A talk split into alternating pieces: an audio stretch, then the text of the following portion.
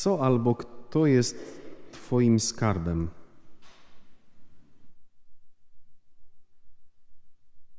Gdyby dzisiaj ktoś spytał Cię o to, w sumie ksiądz Mateusz Cię właśnie pyta, e, co albo co jest najcenniejsze, albo kto jest najcenniejszy. E, pomyśl przez chwilę, co byś powiedziała, co byś powiedział.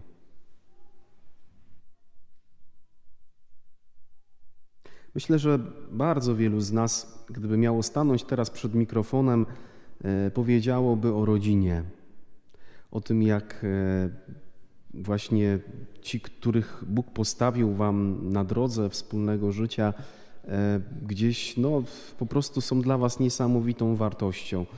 I być może pojawiłyby się myśli w stylu, że inne rzeczy się mogą chwiać, mogą się pojawić kłopoty w pracy, może być niepewność na świecie, ale jeżeli macie siebie nawzajem, to naprawdę jest to skarb i to jest e, taka bardzo cenna rzeczywistość, o którą e, trzeba dbać i, i którą warto chronić. I na pewno ta wypowiedź niejednej czy niejednego z nas była, byłaby tutaj bardzo cenna. Ktoś z nas mógłby powiedzieć, że patrząc tak szczerze na swoje życie, docenia swoje osiągnięcia zawodowe, docenia to, czego się już nauczył w życiu, co osiągnął, e, jaki ma status e, w swojej firmie, e, czy, czy właśnie wśród swoich znajomych. I to jest bardzo ważne i cenne, bo umiejąc coś, możesz też innych nauczyć i możesz stać się mistrzem dla kolejnych uczniów. Jeżeli nie miałeś jeszcze dotychczas takiego myślenia, to bardzo Cię do tego dzisiaj zapraszam, że to, co jest Twoim bogactwem w znaczeniu doświadczenia i umiejętności, możesz, a nawet powinieneś, powinnaś przekazać dalej. I oby tak było. Gdybyśmy postawili tutaj e, kogoś, kto e, właśnie uciekł z Ukrainy, albo jest tam i, na miejscu walczy, pewnie powiedziałby nam dużo o wolności. przypominają nam się też różnego rodzaju nasze chwile, dramatyczne chwile z naszej historii, gdzie, gdzie rzeczywiście sami pamiętamy, czy, czy przekazano nam od wcześniejszych pokoleń, że co z tego, że człowiek ma życie, co z tego, że człowiek ma zdrowie, że jakoś z dnia na dzień mu się wiedzie, e, jeżeli bez poczucia takiej wolności zewnętrznej można e, żyć e, tak bardzo w takim ograniczonym zakresie. I w imię tej wolności jesteśmy w stanie poświęcić bardzo dużo, czasami nawet wszystko. Niech to pytanie gdzieś w Tobie pracuje. Ono dzisiaj pojawia się przez to, co Pan Bóg do nas mówi, ale, ale niech ono nie będzie zamknięte, bo ja powiedziałem może takie możliwości, które gdzieś się pojawią w głowie czy w sercu, ale jestem pewny, że jesteś na tyle twórcza, na tyle kreatywny, że możesz też postawić inną odpowiedź na to pytanie. I każda odpowiedź jest na piątkę. To nie jest tak, że teraz e, jakby to słowo miałoby ciebie oskarżać i miałbyś sobie pomyśleć, nie, nie, to ja jestem już e, naprawdę złym człowiekiem, że, że mam takie priorytety.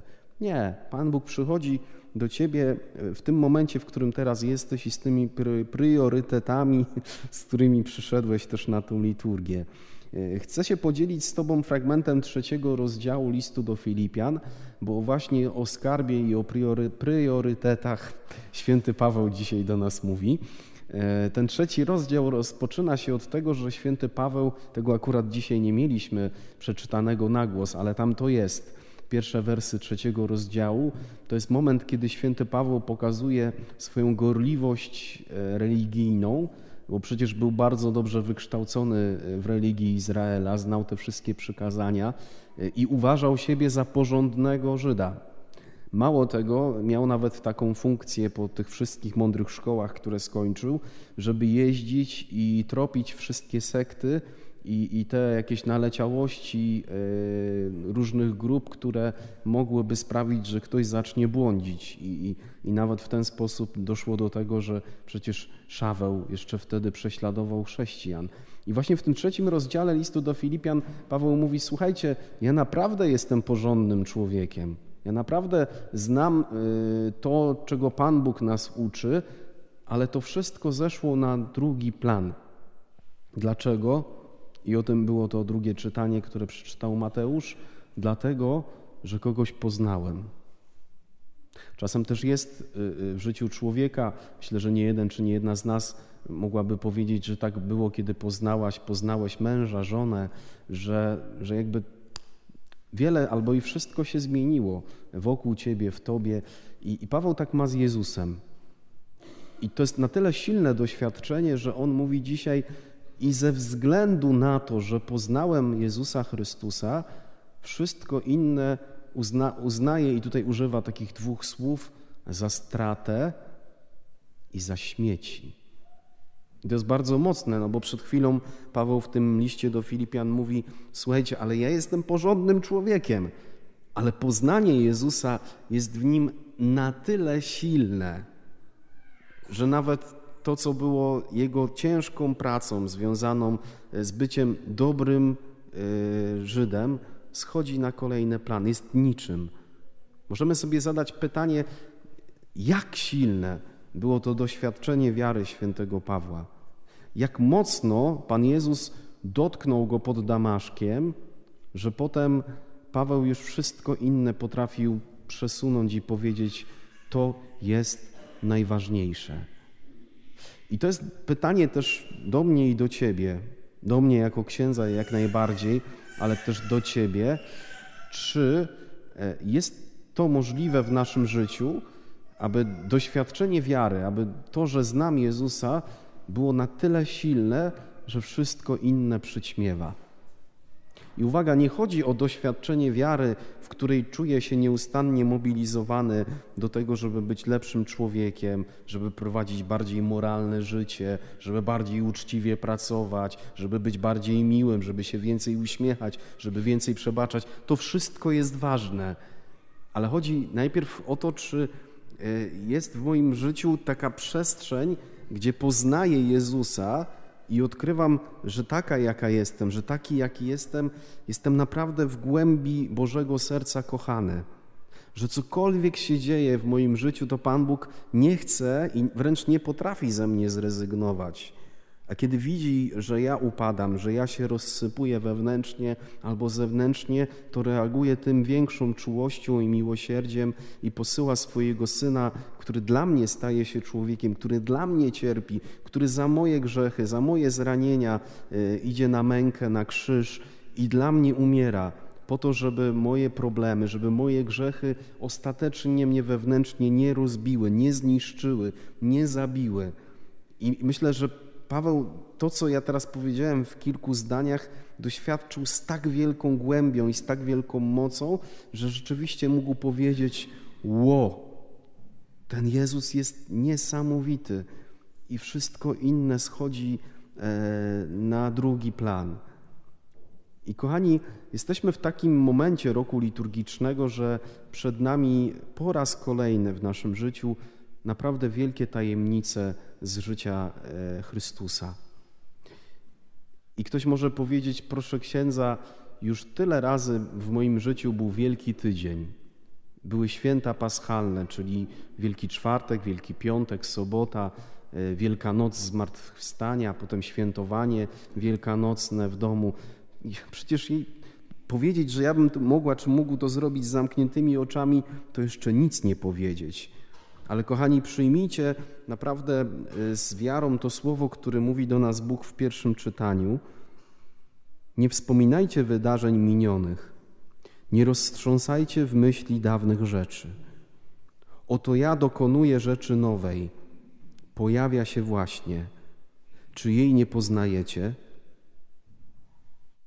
Nie wspominajcie wydarzeń minionych, nie roztrząsajcie w myśli dawnych rzeczy. Oto ja dokonuję rzeczy nowej, pojawia się właśnie. Czy jej nie poznajecie? Nigdy jeszcze nie było Wielkiego Postu w roku 2022 w moim i Twoim życiu. Nigdy nie było jeszcze Wielkiego Postu w takich okolicznościach, w których jesteśmy. Więc nawet jeżeli wiesz, co to znaczy przyjść ze święconką do kościoła, nawet jeżeli bardzo dobrze pamiętasz, co dzieje się w kościele w Wielki Piątek, że przychodzimy oddać cześć krzyżowi, nawet jeżeli znasz na pamięć pieśni wielkanocne, to zbliżający się Wielki Tydzień jest szczególny bo nigdy takiego nie było w naszym życiu.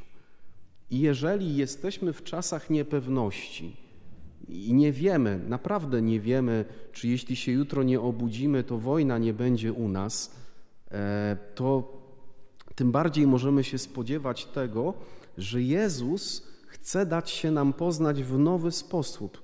Dlatego to słowo z księgi Izajasza: Nie roztrząsajcie wydarzeń minionych. Ktoś z nas może być bardzo nostalgicznym człowiekiem i wciąż wspominać to, jak przebiegało Triduum, czy jak przebiegały święta kiedyś i myśleć, że z powodu e, tego, nie wiem, że jest mniej ministrantów, że jest mniej ludzi w kościele, że jest większe rozluźnienie w społeczeństwie, już nigdy nie będzie tak jak kiedyś. Ale może Pan Bóg chce Ci pokazać właśnie w tym roku, że On Cię zaprosi nie tyle do tego, co jest na zewnątrz, choć na zewnątrz możemy zadbać i chcemy zadbać, żeby było jak najlepiej, jak najpiękniej, ale Bóg chce Cię zaprosić do tego, abyś jeszcze bardziej, w nowy sposób poznał Jego samego. Czy to jest możliwe, żeby w Wielki Czwartek, a wcześniej w Niedzielę Palmową spotkać Jezusa w kościele, a nie przyjść tylko się pomodlić i uczestniczyć z obowiązków w świętowaniu świąt paschalnych? Czy to jest możliwe być tak poruszonym w Wielki Piątek, żeby podjąć decyzję, że oto naprawdę chcę coś zmienić w mojej codzienności? Naprawdę. Ze względu na Jezusa, ze względu, że nie mogę już patrzeć, że On tak dla mnie cierpiał. Czy, czy to jest możliwe, żeby przyjść, e, świętować e, zmartwychwstanie Pana Jezusa i wyjść wtedy e, z tej świątecznej liturgii z zupełnie nową nadzieją, z taką perspektywą, że po ludzku totalnie mogę nie wiedzieć, co będzie, ale mam głębokie przekonanie, że Bóg ma dla mnie przygotowane to, co najlepsze. E, życzę sobie i Tobie, aby jeszcze te dwa tygodnie do samej Wielkanocy, ale też ten ostatni tydzień przed Wielkim Tygodniem, był takim czasem, kiedy będzie we mnie i w Tobie rosło pragnienie głębszego poznania Jezusa, spotkania Go, bycia głęboko poruszonym Jego miłością i tym wszystkim, co dla mnie i dla Ciebie zrobił.